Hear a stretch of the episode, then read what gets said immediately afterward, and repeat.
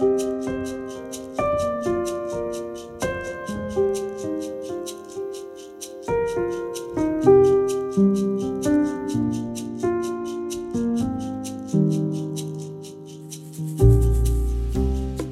du lytter til Spires pod, og navnet mitt er Vidar Mæland Bakke.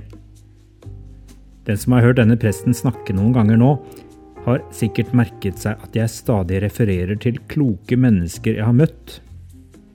Kloke mennesker kan være så mangt. En god nabo. Et av barna mine som plutselig sier ting jeg lærer mye av. Eller det kan være en sivilingeniør som forklarer meg ting jeg ikke visste noe om. Jeg innrømmer gjerne at jeg mang en gang har forutinntatte holdninger når jeg møter mennesker. Jeg vet at jeg ofte har gjort meg skyldig i å plassere folk altfor fort.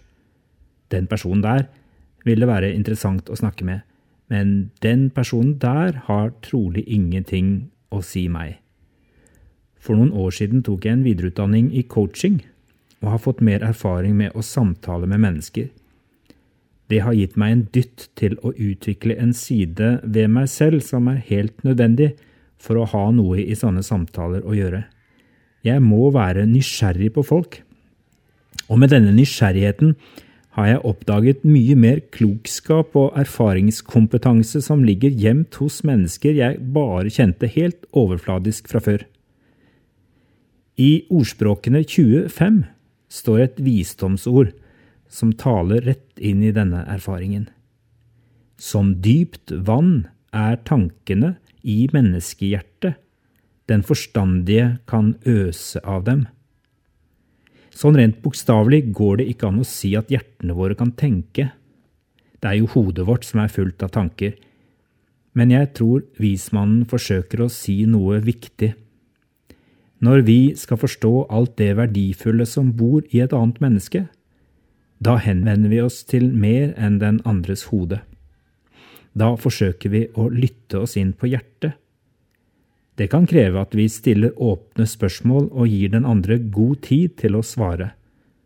Å få lov til å ha sånne samtaler med andre mennesker kan være som å åpne et skattkammer.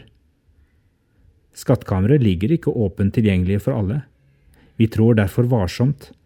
Vi braser ikke inn med spørsmål uten å ha fått tillatelse til det. Men når vi er så heldige å få kikke inn i et menneskes hjerteskattkammer, da kan også det skje at den vi snakker med, får seg en overraskelse. Kanskje de ikke har vært inne i skattkammeret så ofte selv i det siste? Og plutselig har vi en samtale der ikke bare jeg lærer noe nytt, men også den jeg snakker med, oppdager nye ting om seg selv. Du har helt sikkert hatt sånne verdifulle samtaler. Husker du sist gang? Er det noe du ønsker å ha oftere? Hva kan du gjøre for å legge til rette for det?